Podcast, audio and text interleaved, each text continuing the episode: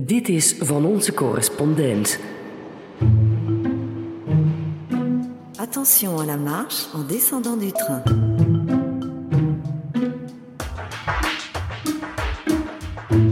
Welkom, mijn naam is Stefan de Vries. Ik zit in Parijs en vanaf hier neem ik jullie mee op wereldreis. Twee keer per maand gaan we langs Nederlandse correspondenten in alle uithoeken van de planeet. In India heeft straks de helft van de bevolking, en dat zijn meer dan 600 miljoen mensen, mogelijk geen drinkwater meer. Eva Oude Elfrink in New Delhi legt uit. Zweden is niet zo geriefelijk en sociaal als het soms lijkt. Vooral het aantal schietpartijen neemt snel toe. Anne-Grietje Fransen in Gothenburg praat daarover. We hebben het over pensioen. Vladimir Poetin komt geld tekort en wil daarom dat de Russen langer doorwerken. Maar als ze dan eindelijk met pensioen zijn, kunnen ze zich misschien vestigen in Ecuador. Want dat schijnt de beste plek ter wereld te zijn om van je oude dag te genieten. Daarover bellen we met Martijn Smiers in Moskou en Arjen Meesterbury in Cuenca. En tot slot vertelt Pieter van den Blink wat we de komende week kunnen lezen in het tijdschrift 360. Met daarin de beste en opvallendste artikelen uit de internationale pers. Maar we gaan nu eerst naar. This is a Manhattan-bound five local train. New York. Een spectaculaire uitslag in de voorverkiezingen van de Democraten in de staat New York deze week. Daar won de 28-jarige Alexandria Ocasio-Cortez van de oudgediende prominent Joe Crowley, die al tien keer achter elkaar gekozen was. Cortez won met een zeer links programma en ze zet daarmee de strategie van de Democraten volledig op zijn kop. Ze was zelf ook nogal verbaasd toen ze hoorde dat ze gewonnen had. Cannot believe these numbers right now, but I do know that every single person here has worked their butt off to change the future of the Bronx Queens. That's what I know. That's what I know. Dat was Alexandria Ocasio-Cortez. Ja, waar komt deze verrassing vandaan en wat moet de Democratische Partij nu doen na deze winst? Laten we het vragen aan Erik Mouthaan. Hij is correspondent voor RTL Nieuws in New York. Erik, eh, hallo. Ja, wie is deze reizende ster in de Amerikaanse politiek, van wie een paar weken geleden niemand nog gehoord had? Uit het niets is ze opkomen dagen. Ze is 28 jaar oud. Ze was een eh, organisator bij de Bernie Sanders campagne. En dat geeft al aan hoe links ze is. Ze heeft eh, wat les gegeven, maar ze is eigenlijk vooral een activist. Haar moeder is Puerto Ricaans. Ze is dus Latina. En dat was belangrijk in de campagne. Ze heeft haar eh, achtergrond benadrukt. En ze heeft gezegd: het is tijd voor een nieuwe frisse wind bij de Democraten. En onverwacht heeft zij dus een, een heel hoog eh, geplaatste democraat eh, verslagen in de voorverkiezingen. Je weet in Amerika stemmen ze per district. De verkiezingen zijn in november. Maar eerst moeten de partijen zelf uitzoeken wie zij naar voren schuiven. Daar zat een, een democraat die er al heel lang zat en die heel bekend was en die heel hoog zit in de organisatie. Zij daagde hem uit voor de kandidatuur van haar partij en ze won. Ja, en ze won. Wat een, wat een verrassing. Het, het gaat dus om de staat New York. Ja, dit is een kiesdistrict in Queens, in de stad New York. Een heel links oord. En de man die er zat, namens de Democraten, die is ook vrij links. En die is de nummer vier van alle Democraten in, in het nationale parlement. En hij werd zelfs genoemd als opvolger van de fractievoorzitter van de Democraten, Nancy Pelosi. En als die eh, weg zou gaan, dan zou deze man misschien wel een van de belangrijkste politici van het land zijn geworden. Maar hij heeft dus kennelijk niet goed geluisterd naar zijn linkse achterban. Want die vond hem te oud, te veel bezig met Washington. En eh, die heeft hem dus weggestuurd ten faveur van een 28-jarige. Is Ocasio-Cortez de toekomst? Welke les kunnen de Democraten uit deze onverwachte overwinning leren? Sinds de nederlaag van Hillary Clinton zijn ze in- intern aan het vechten met elkaar. Wat is nou de juiste koers? Kijk, Hillary was eh, meer naar het midden ten opzichte van Bernie Sanders, die heel links was. Nou, deze mevrouw Ocasio is een Bernie Sanders aanhanger, is heel erg links. En zij zegt, om te winnen en om Trump uiteindelijk te verslaan, moeten wij niet een beetje in het suffe midden gaan zitten. Wij moeten juist heel erg links zijn.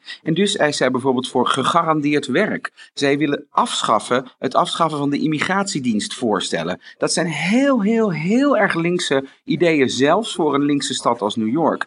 Eh, maar zij zegt dat daar het enthousiasme voor de partij zal komen. Dat iedereen gratis zorg krijgt. Dat ze misschien de, de zorgverzekeraars gaan nationaliseren. Dat soort ja, socialistische ideeën. Zij noemt zichzelf een democratische socialist.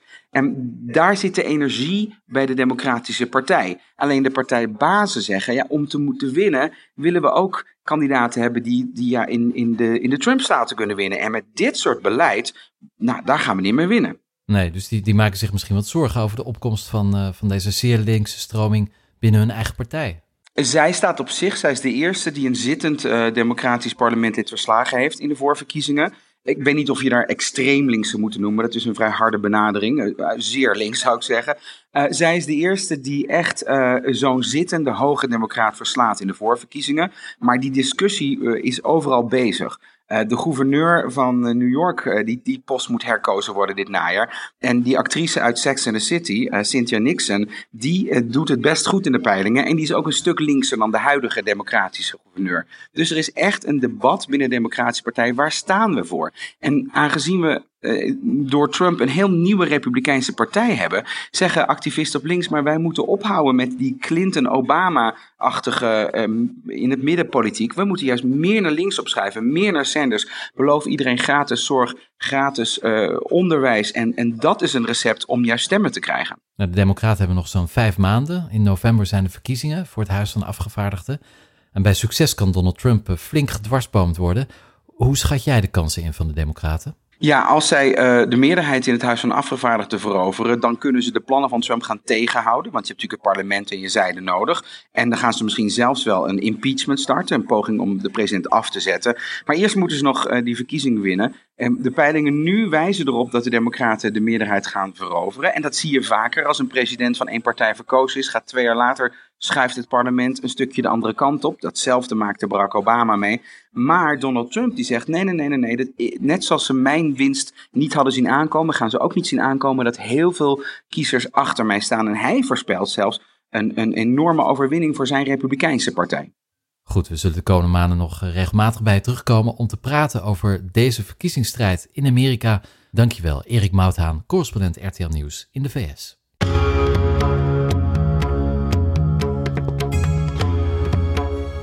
overstappen voor de richting Airport Terminal T3 के रास्ते द्वारका एवं नई दिल्ली को जोड़ने वाली airport express line का किराया 50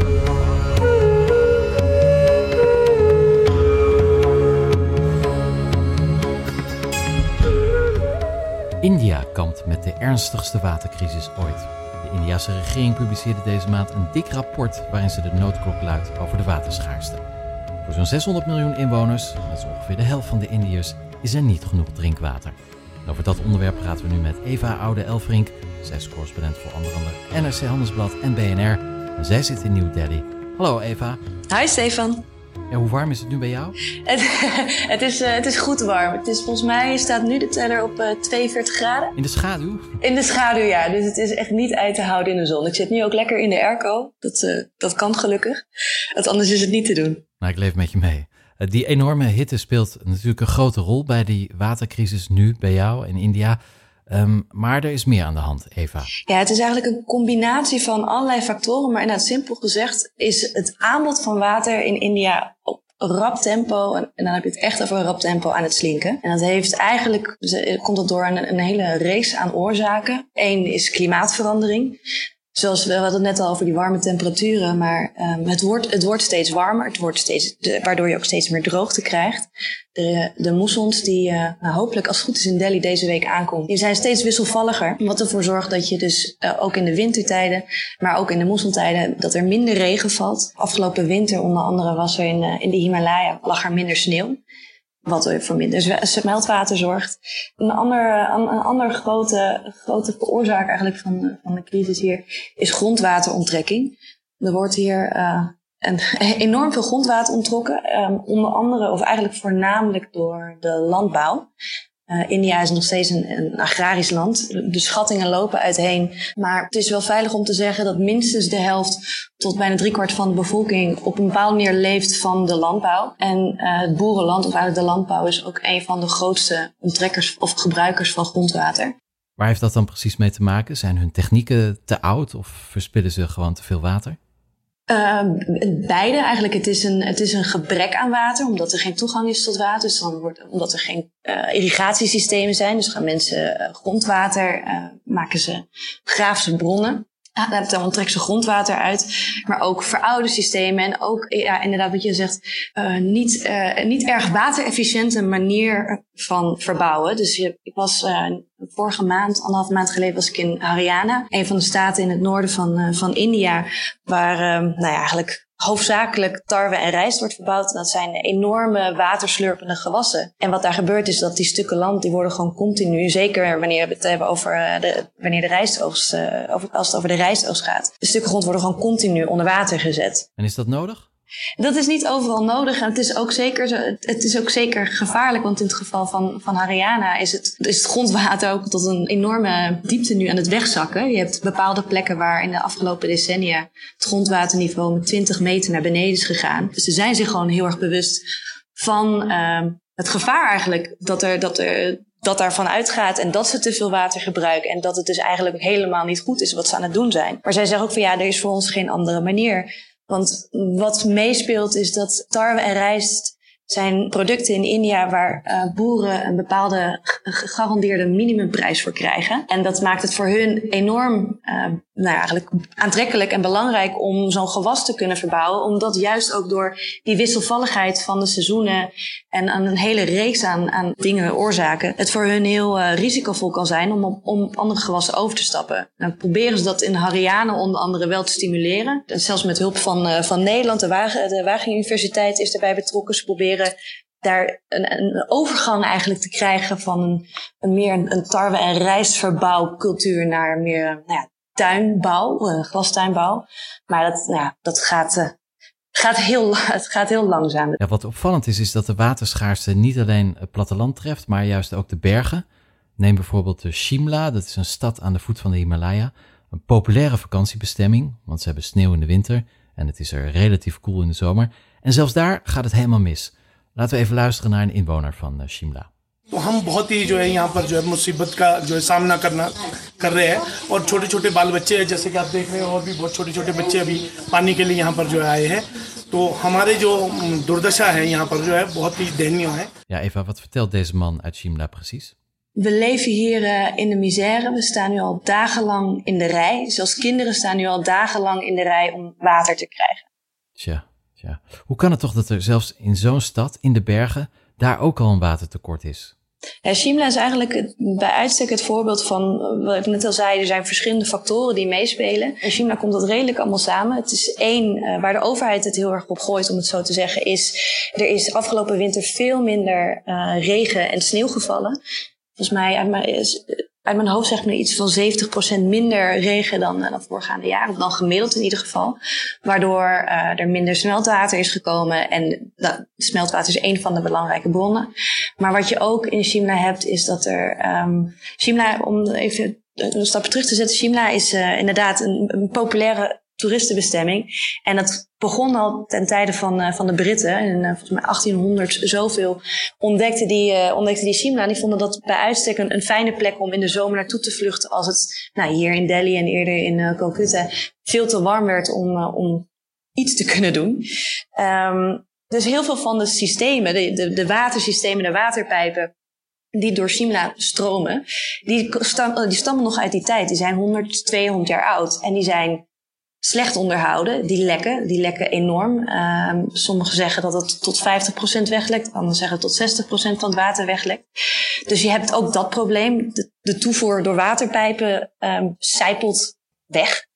Dus als ik je goed begrijp, is er op zich wel water, maar veel daarvan wordt uh, verspild. Er wordt ook heel veel verspild, absoluut. En wat ook, uh, wat ook meespeelt in Shimla, en dat, dat gebeurt door heel India, maar hier ook met name, is omdat het zo'n enorme trekpleister is geworden. En nou, vroeger waren het de Britten en nu zijn het niet eens de, de, de middenklasse Indiërs, maar eigenlijk alle Indiërs die het zich enigszins kunnen veroorloven uit deze regio. En ook expats. Iedereen gaat, trekt rond deze tijd, ik ben er nog niet geweest, maar trekt massaal, uh, massaal naar, naar de bergen, naar plekken als Shimla.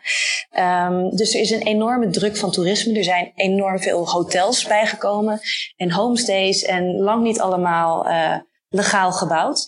Dus er is ook heel veel illegale uh, onttrekking van water. Wat het, wat, wat het beetje water wat er nog is, nog verder uh, uitput. Hoe ga je zelf met de waterschaarste om? Douche je minder of drink je in plaats van water uit pure armoede dan maar champagne? nee, dat nog net niet. Ik douche sowieso, dat deed ik hiervoor, ik douche vrij kort. Maar je bent je er wel van bewust. En in, in het geval van Delhi, want um, wat ze ook uh, in dit rapport voor waarschuwen is, los van de 600 miljoen mensen zijn er een aantal steden, 21 noemen ze in het rapport, waaronder New Delhi, die, waar de aanwezigheid van grondwater al binnen twee jaar volledig kan zijn verdwenen als er geen maatregelen worden genomen. Ik woon in een wijk waar het water wordt aangeleverd eigenlijk via waterreservoirs die vorige maand inderdaad ook een, tot een vrij kritieke laagte waren gekomen. Maar er is nog wel water. En er komen watertanks die hier water, die ook, als ik me niet vergis, één keer per week water komen afleveren.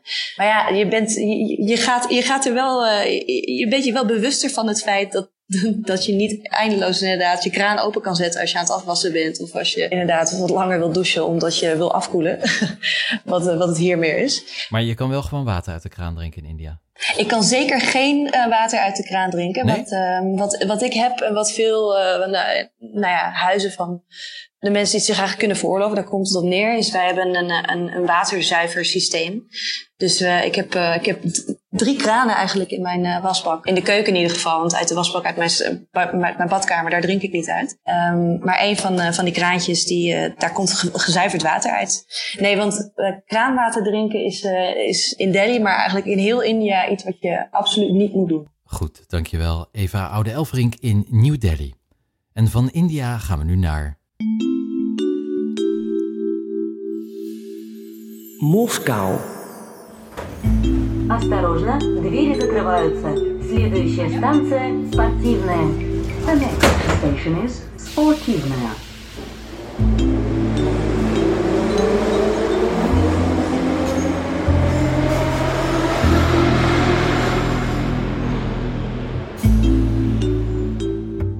Vladimir Poetin moet bezuinigen. En een van de maatregelen die hij gaat doorvoeren is het verhogen van de pensioenleeftijd.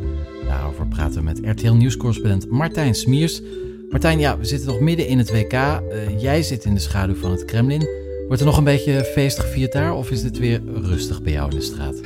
Nee, er is absoluut feestvreugde. Dit is een beetje Moskou de Janeiro, zo noem ik het tenminste. Je hebt hier in het centrum allemaal supportersgroepen, uh, vooral uit Zuid-Amerikaanse en Arabische landen, die zingen, die vieren carnaval en die betrekken de Russen daar ook in. En dat is voor de Russen echt wel wennen. En uh, dat is opvallend, want voor het toernooi werd er mij wel eens gevraagd van, goh, le uh, leeft het een beetje, waar, uh, leven, de Russen er naartoe? En ik zag niks. En ik dacht, kom ik nou te weinig buiten of spreek ik de verkeerde mensen of kom ik op de verkeerde plaatsen? Maar het is eigenlijk gewoon begonnen met het toernooi en het is één groot feest. En dat is heel leuk, omdat je dan kunt zien hoe Rusland is uh, als er wat meer open contact is met buitenlanders en als de politie wat meer toelaat. Dat is erg leuk om even een maandje mee te maken. Eén maandje, oké. Maar heel veel langer zal het feest niet duren, want de regering bij jou in Moskou komt met een maatregel waarbij de Russen, ja, op z'n zachtst gezegd, niet staan te juichen. Want de pensioenleeftijd gaat flink omhoog. Wat zijn de plannen, Martijn? Ja, op de openingsdag van het WK voetbal werd bekendgemaakt dat de pensioenleeftijd hier uh, fors omhoog gaat. Poetin zelf uh, maakte dat niet bekend, want het is een hele impopulaire maatregel. Hij liet het aan zijn uh, regering over, om de maatregel ook een beetje te testen. Op dit moment gaan de vrouwen in Rusland met 55 met pensioen. Dat wordt 63, acht jaar erbij. En voor mannen gaat het van 60 naar 65. En dat is absoluut geen populaire maatregel. En vooral bij de mannen is het een beetje een probleem. Want als ze die straks met 65 met pensioen gaan, dan kunnen ze gemiddeld maar anderhalf jaar van hun pensioen genieten. Want de levensverwachting van de Russische man is maar 66 en een half jaar. Dus in de praktijk kunnen ze maar zo'n anderhalf jaar van hun pensioen genieten. Maakt, maakt het dan wel wat uit voor de staatskas?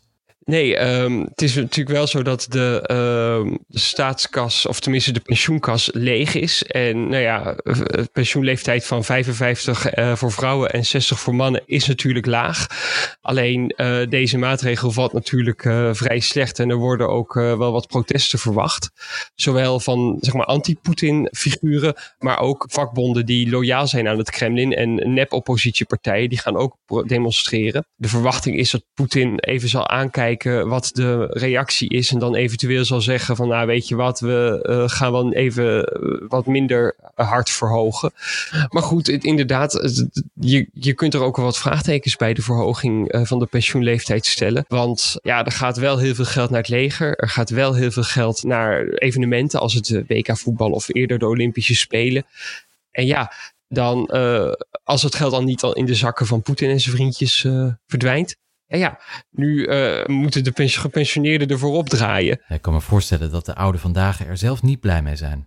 De gepensioneerden zijn er absoluut niet blij mee. Want uh, ja, in Rusland uh, word je A, niet zo oud. En B, de gezondheidszorg is hier ook niet zo goed als uh, in het Westen. Dus ja, het, het, beeld van de gelukkige bejaarde die dan jarenlang nog een actief, gelukkig pensioen heeft. Ja, dat, dat heb je hier niet. Nee, nee. En trouwens, Vladimir Poetin is al 65 jaar oud. Moet, moet hij niet het goede voorbeeld geven en zelf eens met pensioen gaan? Ja, uh, ja er is uh, een, een, minderheid die dat vindt, maar dat is een minderheid. Uh, hij heeft net weer de verkiezingen gewonnen, dus de komende zes jaar zitten we in principe aan hem vast. Ja, hij uh, laat zich natuurlijk uh, zien als een uh, vitale 50-plusser, zeg maar. Die, je ziet hem met ontbloot bovenlijf vissen, sporten, zwemmen. Ja, en ja, je ziet ook dat hij op de staatstelevisie de verhoging van de pensioenleeftijd flink laat promoten. Ook juist met het, met het argument dat je als je later met pensioen gaat, dat je dan een actiever leven hebt. Dat je dan bijdraagt aan de samenleving. Dat je dan buiten komt. Dus er wordt ook promotie ingezet voor de verhoging van de pensioenleeftijd. En dat doet hij natuurlijk om, omdat hij weet dat, dat het grootste deel van de Russen hier niet zo blij mee is. Goed, de pensioenleeftijd in Rusland gaat omhoog voor mannen van 60 naar 65 jaar, maar niet voor Vladimir Poetin, die in ieder geval nog president blijft tot zijn 71, als ik het goed uitreken. En misschien nog wel langer. Eh, dankjewel Martijn Smiers in Moskou. En ja, Russen die op hun pensioen gekort worden, kunnen misschien naar Ecuador. Want in dat land ligt het paradijs voor pensionado's. Thousands of Americans who want you to know they have found paradise at a place they never expected. We had the choices of accepting a lousy retirement or think of something else. Mm -hmm. And you're sitting in something else. This was our something else. And we couldn't be happier. Ja, en deze mensen zijn zo happy in Cuenca. Want volgens onder meer CNN, BBC en The Washington Post is dat al jaren een van de beste steden ter wereld om van je pensioen te genieten.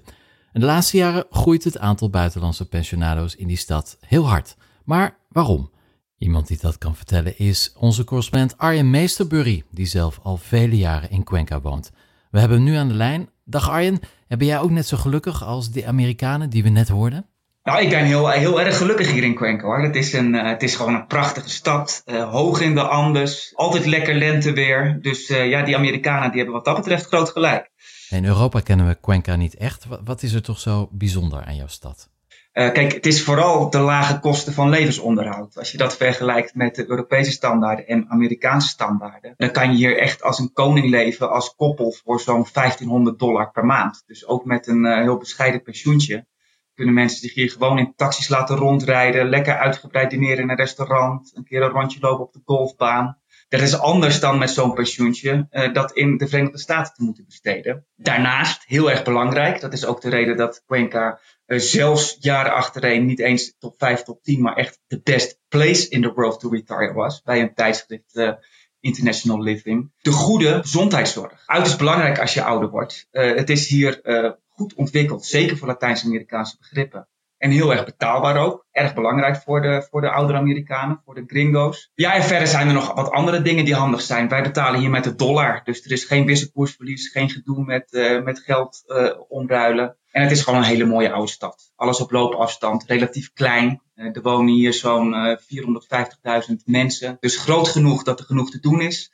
Uh, maar ook klein genoeg om alles uh, dicht bij elkaar te hebben. En trekt Cuenca ook uh, aan uit andere landen dan de Verenigde Staten? Nou, het zijn vooral Amerikanen. Er, zijn ook wel, er is ook wel bijvoorbeeld een kleine Nederlandse gemeenschap. En daar zijn vooral wat, wat dertigers, veertigers, die net als ik voor de liefde naar Cuenca zijn gekomen. Dus niet om, om met pensioen te gaan.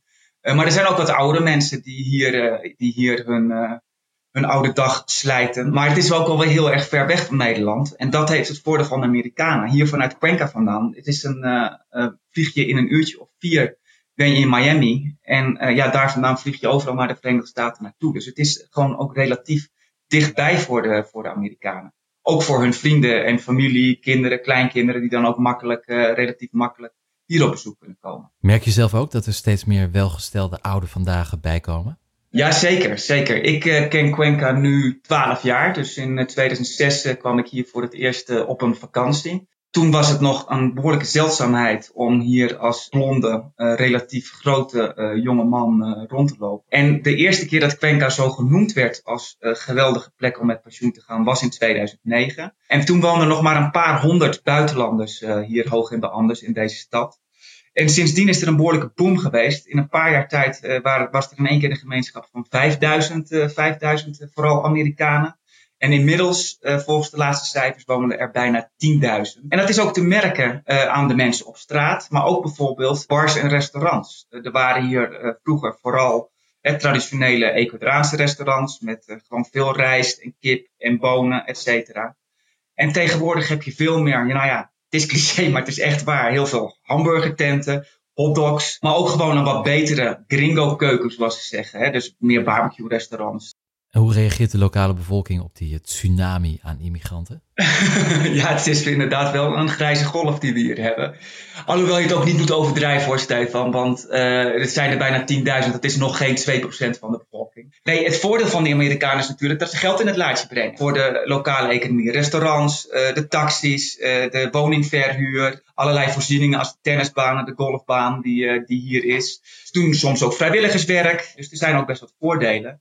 Maar er wordt ook wel geklaagd over Amerikanen. En deels ook wel terecht. Ja, ja wat klagen ze dan? Nou, de prijzen zijn bijvoorbeeld erg omhoog gegaan. Vooral van allerlei appartementen in het centrum van de stad en uh, langs een rivier hier, die heel erg geschikt zijn voor ouderen. Uh, en dat is natuurlijk wel heel erg vervelend. Dat sommige plekken in de stad voor de lokale bevolking eigenlijk uh, onbetaalbaar aan het worden zijn. Dus daar wordt ook over geklaagd. Er wordt ook geklaagd. De, er zijn hier sociale voorzieningen voor ouderen. Dus dan hebben we het over de gezondheidszorg, maar ook over kortingen die 65-plussers krijgen. Uh, ja, die krijgen de Amerikanen die een uh, verblijfsvergunning hebben hier, uh, krijgen dat ook. Maar die hebben niet hun hele leven hier gewerkt om daaraan mee te betalen. En die betalen nu een heel bescheiden bedrag aan, aan, die, aan het sociale stelsel. En profiteren er wel volop van. En dat in een ontwikkelingsland als, als Ecuador, dat zorgt soms toch best voor, uh, voor scheve ogen. Ja, dat klinkt een beetje als wat we hier soms immigranten ook uh, verwijten. Maar, maar wat zou jij luisteraars aanraden die naar jouw verhaal denken: Goh, Cuenca, dat klinkt goed, daar wil ik ook wel met pensioen. Wat moeten zij doen volgens jou, of misschien wel juist laten? Nou, ik raad het uh, in eerste instantie zou ik ze afraden. Uh, niet omdat Cuenca geen mooie plek is om te wonen. Uh, niet omdat het hier geen lekker klimaat is. Niet omdat het hier lekker goedkoop is. omdat jij geen zin hebt om tussen de andere Nederlanders te komen wonen? nee, niet eens. Nee. Ik heb zelf wel eens, als je, als je ouder wordt, dan uh, wordt je sociale kring wordt automatisch kleiner. Omdat je niet meer werkt. Omdat je, je vrienden uiteindelijk gewoon gaan overlijden of weggaan. En op het moment dat je, als je gaat pensioneren zo ver weg van Nederland. Want uh, uiteindelijk, kijk, het is een vlucht, maar het is een dure vlucht hier vandaan op en neer naar, naar Nederland toe. Maar je raakt gewoon je hele sociale kring ben je in één keer kwijt. En hoe, hoeveel expats hier ook, uh, ook wonen aan Amerikanen. Het is heel erg moeilijk om op latere leeftijd opnieuw een hele sociale kring te gaan bouwen. En een hele andere taal te gaan leren. Want om hier goed te kunnen functioneren moet je gewoon goed Spaans spreken.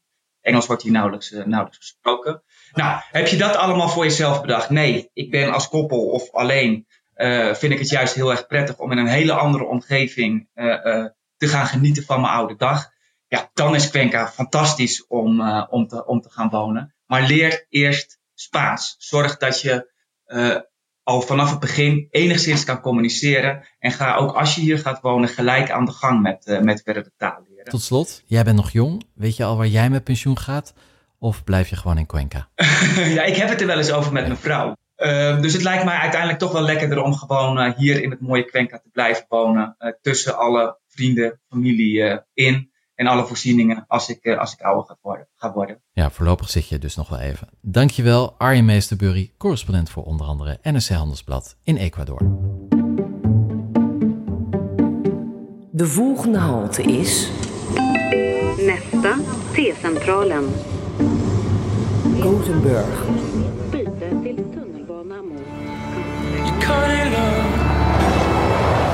Träffade du Saga något?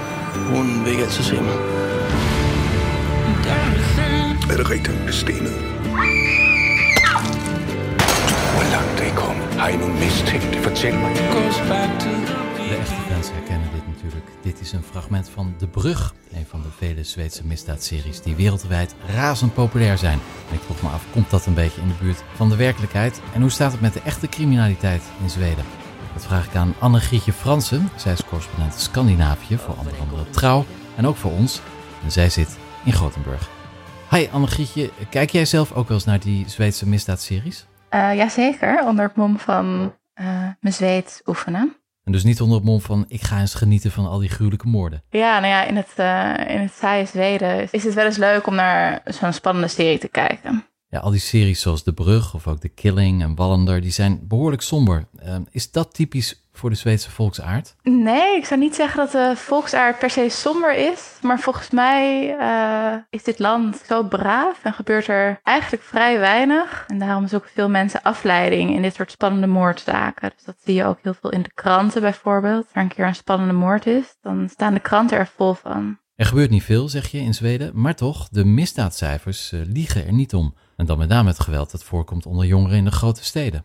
Ja, dat klopt. Dus de, de moorden die je ziet in die series, die zijn nogal atypisch. En die komen over het algemeen weinig voor. Dus de moorden op de, de blonde zweet. Maar er zijn grote jeugdbendes in Zweden. Daar liggen de geweldcijfers aanzienlijk, aanzienlijk hoger dan op andere plekken in Europa. En over welke criminaliteit hebben we het dan? Het gaat om, sch om schietpartijen. En dan onder jonge mannen van tussen de zeg 15 en 29. En die aantallen die zijn in de laatste vijf jaar verdubbeld. En die liggen ook ongeveer twee keer hoger in Zweden dan elders in Europa. Dus. Hoe komt dat dan? Want als ik aan Zweden denk, denk ik toch aan een soort van uh, sociaal paradijs waar, je zei het net al, weinig gebeurt.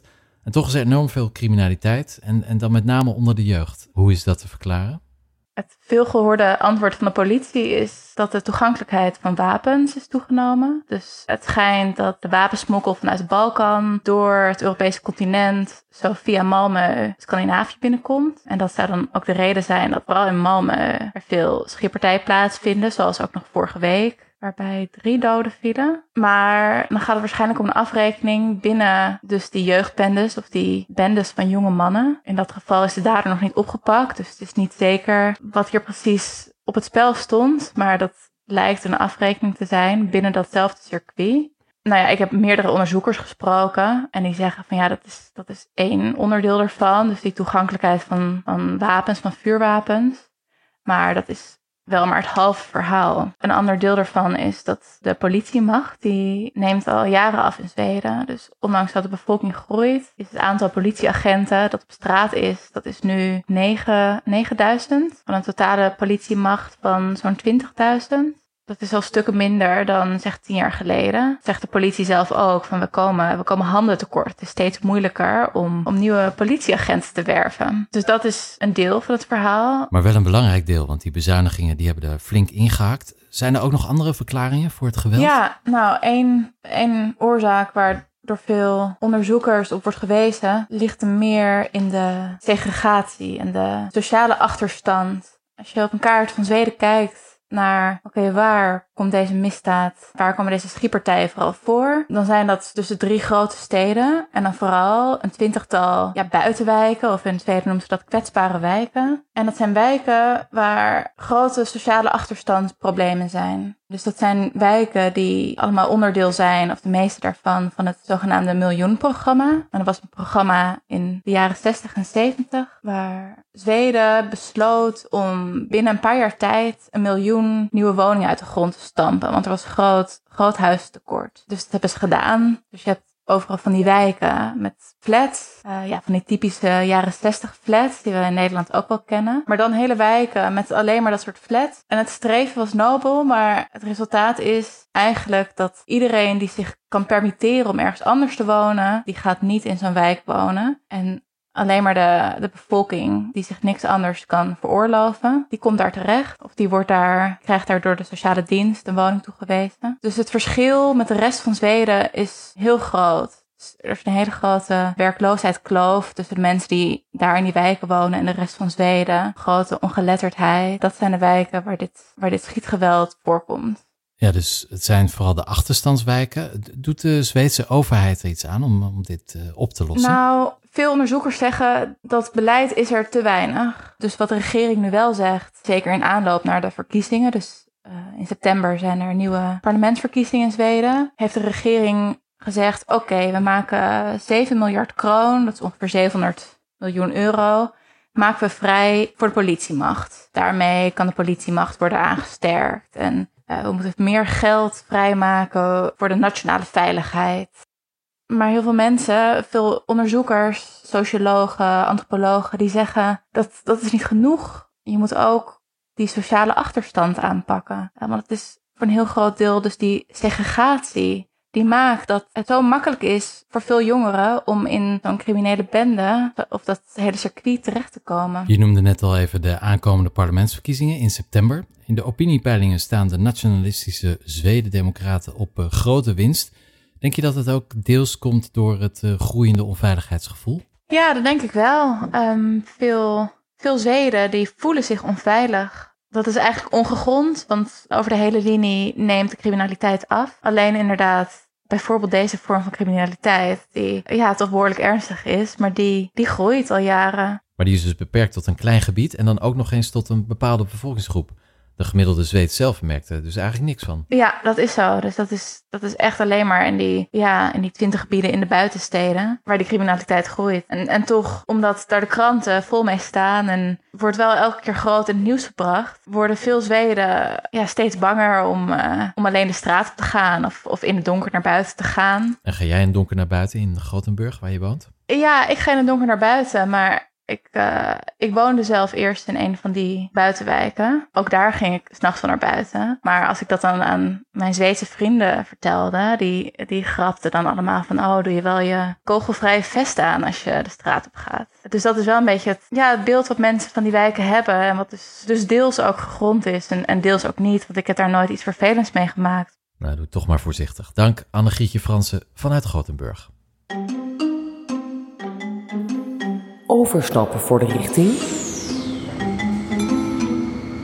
Europaplein. Amsterdam. In Amsterdam zit de redactie van het magazine 360, waarmee van onze correspondent samenwerkt. Iedere twee weken brengen zij een selectie van de internationale pers.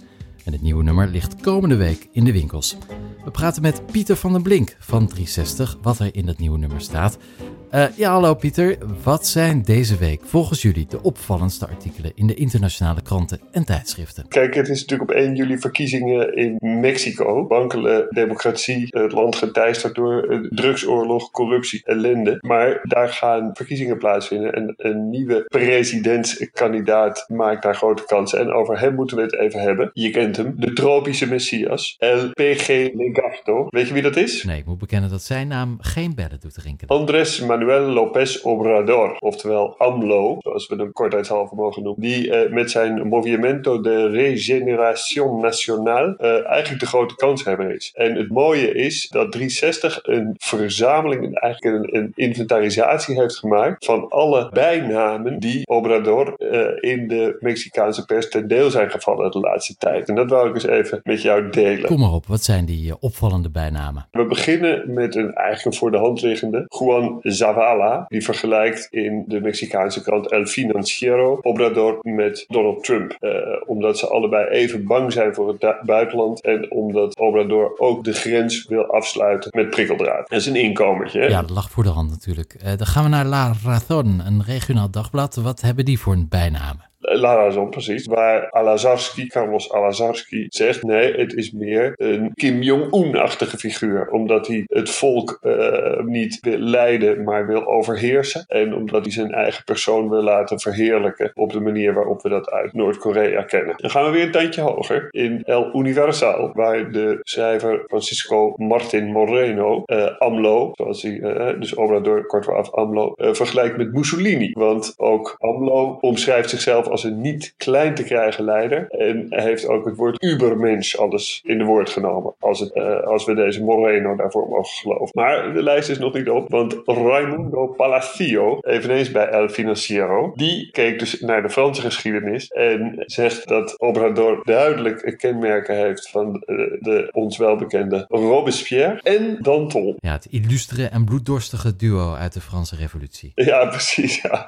Heeft hij het, eh, het en ook de oratorische gaven, dat moet worden nagegeven. Maar met Danton heeft hij dan gemeen eh, dat hij een schrikbewind uh, wil instellen en zich heeft aangekondigd en zich presenteert als de sloper van de instituties van de Republiek. Nou, dat dat op zich klopt, dat Danton dat natuurlijk ook was. Um, het gaat eindeloos door. Het is heel prettig om te lezen. Hij wordt ook nog vergeleken met Pinochet, met Trotsky. Um, en het enige wat ik niet opgehelderd vind in dit stuk, daar moet nog maar eens iemand verder over schrijven, is waarom zijn bijnaam dus El Legarto is. El Legarto. Dat betekent de hagedisvis. Maar om erachter te komen wat daar precies achter zit, zal hij misschien de verkiezingen moeten winnen. Zodat we een, uh, de Freek Vonk van Mexico daar eens eventjes over kunnen horen wat dat precies betekent. Haha, ja.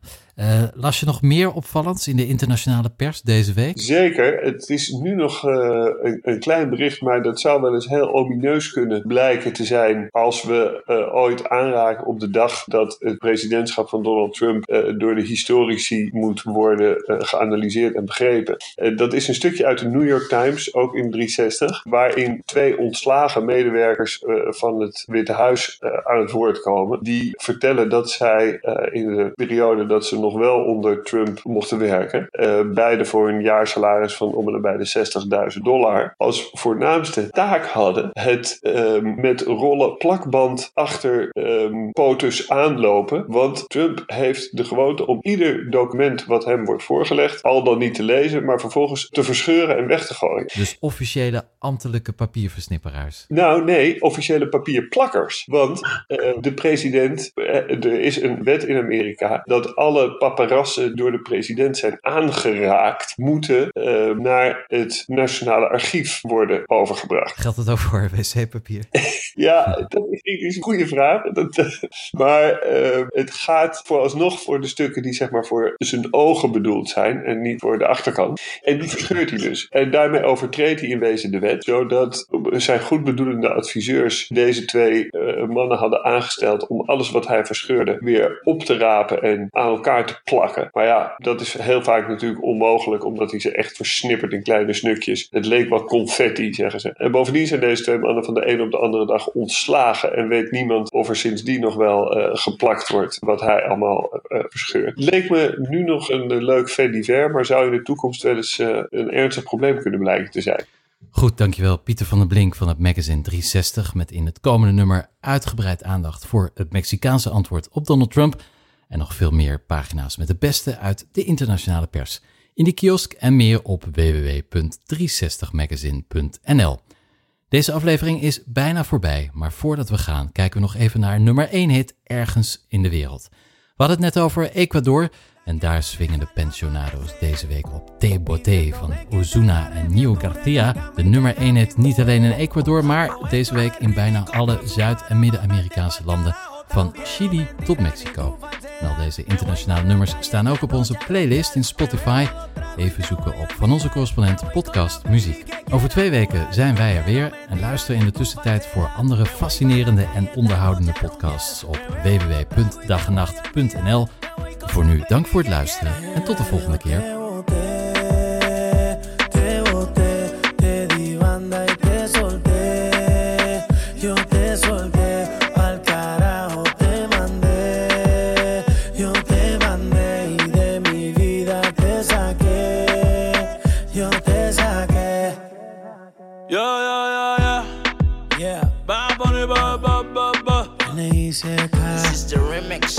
Nicky, Nicky, Nicky Jam. Capel. Darel. Nio García. Yeah. Osuna. Osuna. El negrito claro. This is the remix. Flow la move. Yo Martino. Hear this music. DJ Nelson. Hey. Era dime Chronic Magical. Esta es la verdadera de la Maya. Flow la move. Era indica chori complete. Pa' que sepa. Verdadera puta de las voces. Suave así. Dit is van onze correspondent. Vergeet u straks niet uit te checken